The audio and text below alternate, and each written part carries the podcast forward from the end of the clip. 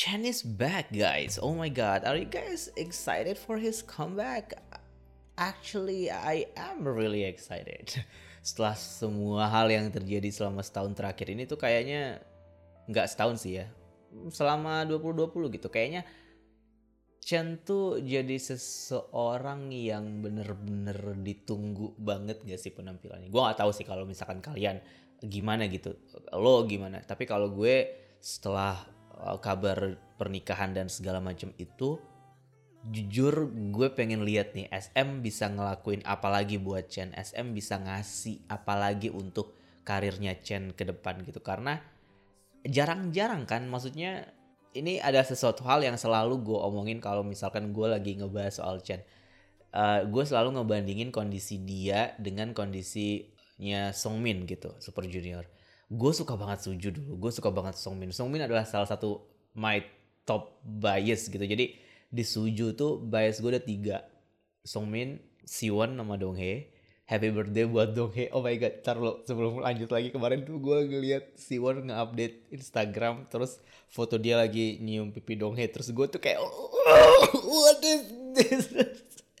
Jiwa uh, shipper gue langsung membuncah karena dulu pas awal-awal gue suka banget sama Suju ada akun Twitter yang dedicated banget sama si Won sama Donghae jadi namanya We Love Wonhae terus uh, salah satu adminnya itu namanya Novi dan dia kayaknya orang Jakarta gitu. Gua nggak kalau gua nggak salah dan kita sempat intens ngobrol gara-gara kita sama-sama shipper Wonhae waktu itu gitu. Anyway untuk permasalahan Chen ini tuh gue selalu membandingkan dengan bagaimana SM menanggapi permasalahan Songmin kan sebenarnya. Kalau misalkan lo denger uh, podcast kekoreaan beberapa kali tuh gue sering banget ngebahas ini gitu.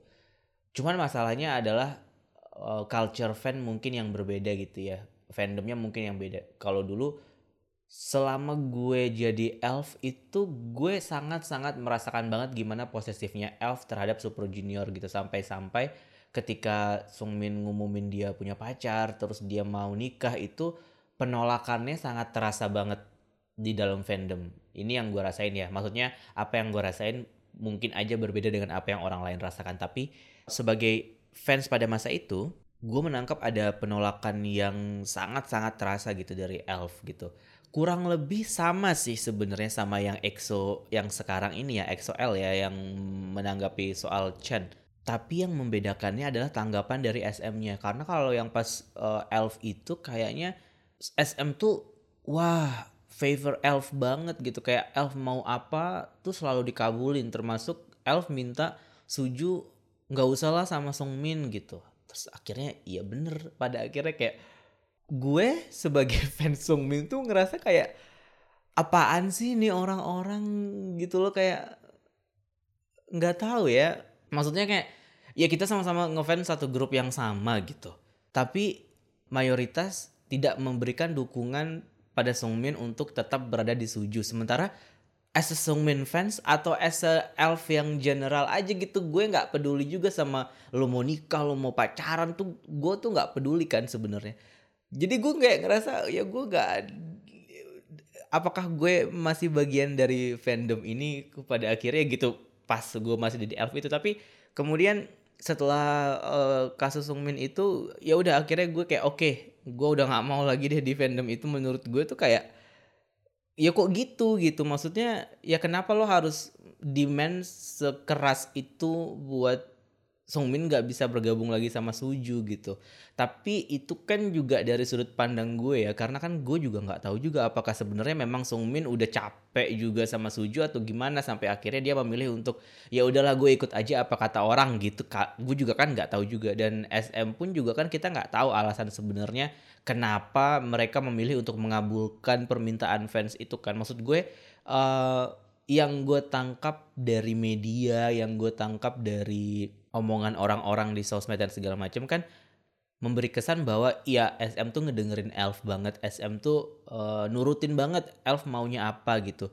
Tapi kenyataannya kan kayaknya nggak ada yang tahu ya kecuali emang SM Sungmin sama Sujunya gitu. Lagi pula juga kepergian Sungmin dari Suju kepergian, maksudnya kayak ke keputusan untuk Sungmin tidak bergabung lagi sama Suju tuh kayak vanish gitu loh langsung yang ya udah abis dia keluar dari Suju nggak ada yang ngebahas itu. Seolah-olah emang Sungmin tuh bukan bagian dari Suju gitu. Dan Suju ini kan termasuk uh, grup yang bener-bener kayak males ya nanggepin konflik-konflik di luar grup gitu loh. Kayak apalagi permasalahan-permasalahan kayak gini gitu. Mereka tuh bener-bener yang kayak tutup mata banget soal itu gitu.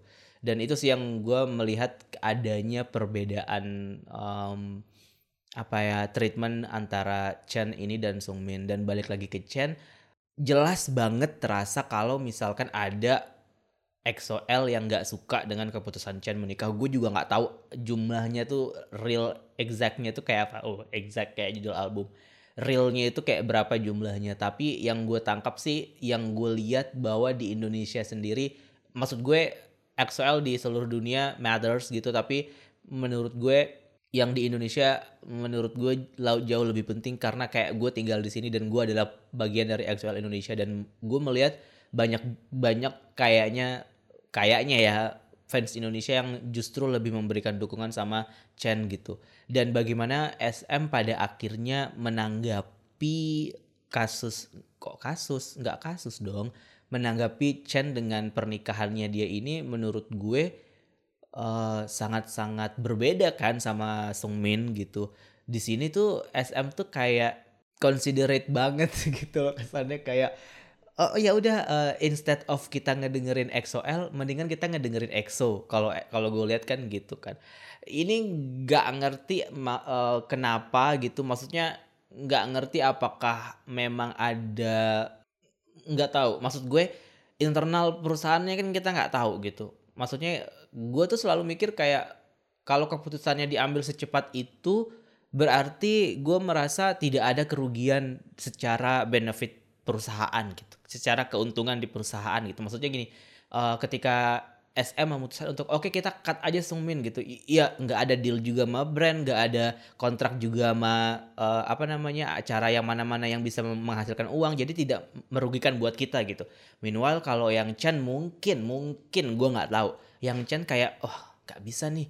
Kita kalau mau ngeluarin Chen dari EXO rugi di kita nih banyak banget jumlah kerugiannya dan nggak bisa gitu. Jadi kayak kasarnya kayak hitung-hitungannya kayak wah tahun ini kita nggak ada boyband baru cuy. Kita nggak ada grup baru juga nih. Kalau misalkan kita ngeluarin Chen ini bisa menghilangkan sumber penghasilan yang cukup strategis gitu atau gimana kan gue juga nggak tahu juga. Tapi itu mungkin aja terjadi yang pada akhirnya membuat perbedaan treatment antara SM sama Chen sama SM ke Sungmin gitu.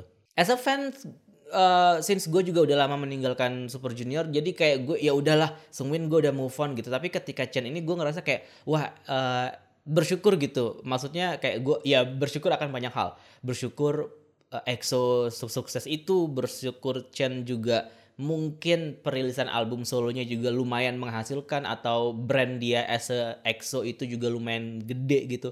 Jadinya SM juga mau mempertahankan dia di grup gitu bukan berarti gue bilang Songmin tidak valuable atau apa tapi uh, karena kita nggak tahu juga ini sebenarnya apa yang terjadi kita kan cuman fans yang ngelihat dan mendengar apalagi gue ya yang bacanya media Indonesia. Media Indonesia nge nge repost dari media Sumpi gitu. Sumpi baca dari media Korea sih memang tapi kan itu kayak udah uh, translatean dan mungkin aja ada sudut pandang dari penulisnya juga masuk ke situ atau gimana kan gue juga nggak tahu dan gue juga nggak baca uh, first account nggak tahu nggak kenal siapa pun di SM anyway gitu. Tapi gue itu tadi kayak senang aja ke, uh, dengan keputusan SM untuk mempertahankan Chen ini terlepas dari bahwa alasannya kayak ya EXO udah terlalu banyak kehilangan member dan segala macem gitu. Kayak ya udahlah gitu ya. Maksud gue kayak gue ya anyway gue senang sama cara mereka untuk menghadapi um, permasalahan Chen ini dan hopefully sih sebenarnya pernikahannya Chen ini bisa membuka cakrawala buat industri entertainmentnya Korea gitu loh apalagi terutama idol ya. Walaupun ini juga sangat meragukan sih maksudnya kayak gue juga nggak tahu se-impactful apa itu. Cuman ya paling enggak bisa memberikan perspektif baru bahwa oh Chen aja bisa nih nikah gitu. Kenapa yang lain juga kenapa yang lain nggak bisa? Tapi itu kan banyak faktor ya maksudnya pernikahan idol itu kan di, masih dilihat sebagai sesuatu yang kayak what? Apa sih? gitu kan. Apalagi ketika mereka lagi produksi produktif produktifnya gitu maksud gue. Jadi uh, mungkin nggak langsung akan mengubah drastis sudut pandang orang-orang atau idol-idol itu untuk kayak wah Chen boleh nih kita juga boleh nih harusnya nikah gitu kan. Itu kan juga mereka harus melewati banyak banget uh, regulasi kan maksudnya kayak ya mereka masih kontrak sama perusahaan mungkin di kontrak juga ada tuh tulisannya bahwa mereka tidak boleh menikah gitu itu juga sebenarnya harus dipertanyakan sih. Mungkin di kontraknya EXO pertama gitu ya kayak sebelum mereka memperpanjang kontrak mereka dikontrak untuk nggak boleh nikah dulu ya gitu. Atau nggak boleh pacaran dulu ya sampai akhirnya ya akhirnya uh, kontraknya habis dan masa tidak boleh pacaran di kontraknya itu habis ya akhirnya mereka boleh pacaran akhirnya mereka boleh nikah. Atau mungkin sebenarnya untuk pacaran sendiri sebenarnya nggak nggak apa-apa gitu boleh pacaran asal nggak ketahuan ya guys gitu. Mungkin nggak tahu juga kan Kayaknya setahu gue dulu pas Westlife juga di awal-awal mereka nggak boleh nikah sampai usia 22 atau 23 gitu sampai akhirnya Brian keluar terus Brian nikah gitu kayak ya mungkin kurang lebih seperti itu. Tapi kan ya namanya kontrak kan kita juga nggak tahu isinya apa kan dan mungkin mereka juga tidak bisa membeberkannya secara langsung kecuali emang lo tahu dari orang dalam banget gitu. Tapi yang pasti sih apa yang terjadi sama Chen dan SM ini bisa membuka perspektif baru buat nggak cuman buat industri idol yang ada di industri sih sebenarnya. Kalau gue juga ngomongin industri itu kesannya kayak sotoy banget, tapi at least membuat mereka melihat bahwa oh ya SM dengan dengan SM gitu yang big three terus EXO yang udah segede itu mereka masih bisa kok memperbolehkan uh, soal pernikahan itu gitu. Ya ter, ya tapi balik lagi dengan segala kondisinya yang ada secara internal ya kan orang juga kan nggak tahu. Yang kayak tadi gue bilang Nah itu sih dan yang paling penting sih sebenarnya dari sisi fans sih. Maksud gue kayak udah terlalu lama budaya nggak boleh pacaran pacaran dibilang skandal yang kayak gitu-gitu tuh udah terlalu lama itu jadi mendarah daging gitu loh. Maksudnya kayak di Korea oke okay lah mereka uh, gue tuh selalu mikir ya ya udahlah artis-artis mereka gitu uh, culture culture mereka gitu. Tapi kita di Indonesia nggak pernah kan uh, hidup dengan budaya kayak gitu. Maksud gue kayak ya selama gue ngefans sama Peter Pan misalnya kayak gue nggak pernah merasa kayak uh, Ariel nggak boleh nikah dulu ya gitu. Nggak tahu ya apakah karena gara gue laki-laki gitu nggak tahu juga. Atau gimana? Maksud gue kalau misalkan fan girl hmm, oke okay lah mungkin mungkin ngefansnya sama Sharina misalnya atau Raisa gitu ketika ngefans Raisa kayak Raisa jangan nikah dulu ya. Kayak kayaknya enggak deh. Kayak maksudnya hidup orang masing-masing gak sih? Dan kita juga sebagai uh, orang Indonesia kan kayaknya justru kalau nggak nikah malah diomongin. Bukan pas nikah malah diomongin. Pas nikah diomongin juga sih. Maksudnya kalau justru kalau nggak nikah malah diomonginnya yang jelek-jelek gitu. Maksud gue poinnya adalah ya lo boleh sih. Nggak ada yang ngelarang kalau misalkan lo mau menganggap pernikahan atau pacaran sebagai skandal. Tapi um, apa yang menjadi culture fans di Korea itu ya mungkin lo bisa jadikan sebuah sudut pandang yang berbeda aja gitu. Tapi nggak perlu diadaptasi secara pol-polan gitu loh. Maksudnya kayak ya elah sampai kapan juga? Maksud gue kayak ngefans ya udah ngefans biasa aja nggak sih? Nggak ngatur. Maksud gue nggak ngatur. Tapi ya udah jangan terlalu dipikirin gitu loh kayak ya udah Chen mau nikah ya udahlah bahagia. Biarin aja dia bahagia gitu. Kebahagiaan dia wise gue gue kemarin pernah nulis soal itu kayak ya lo boleh nggak suka Chen nikah lo boleh nggak suka Chen punya istri dan man udah punya anak sekarang. Tapi biarinlah dia bahagia gitu dengan kebahagiaannya itu dia bisa jadi lebih sehat dia bisa jadi lebih produktif dan segala macam dan sekarang akhirnya dia comeback ini gue seneng banget dan ini adalah satu-satunya comeback yang gue tunggu-tunggu gak sih rasanya kayak terserah deh siapa pun yang mau comeback di SM bodoh gitu. Yang penting Chen comeback gitu. Karena ketika SM bilang kalau dia akan support karir Chen itu di sisi lain gue kayak nunggu sih kayak ya oke okay, lo boleh bilang itu di statement tapi mana buktinya? Gitu. Nah inilah sebagai pembuktian itu gitu dia comeback dengan single ini dan autumn dan uh, single ballad itu menurut gue kayak the best banget. Gue suka juga lagunya dan mungkin ini salah satu lagu Chen yang uh, gue favoritin. Sekali lagi dia beda banget di sini suaranya dibandingkan dengan album yang sebelumnya. Jadi um, happy uh, dia bisa comeback walaupun single nggak apa-apa. Tapi semoga dalam waktu dekat dia bisa comeback dengan album. Gue sebenarnya ngarep banget EXO bisa rilis uh, winter album tahun ini. Walaupun gue juga nggak bisa memastikan itu. Tapi kalau misalkan EXO nggak ada rencana untuk comeback uh, winter album karena gue pikir kayak agak-agak awkward juga mereka akan comeback tanpa Suho gitu. Tapi mungkin Chan bisa rilis album winter. That's gonna be awesome sih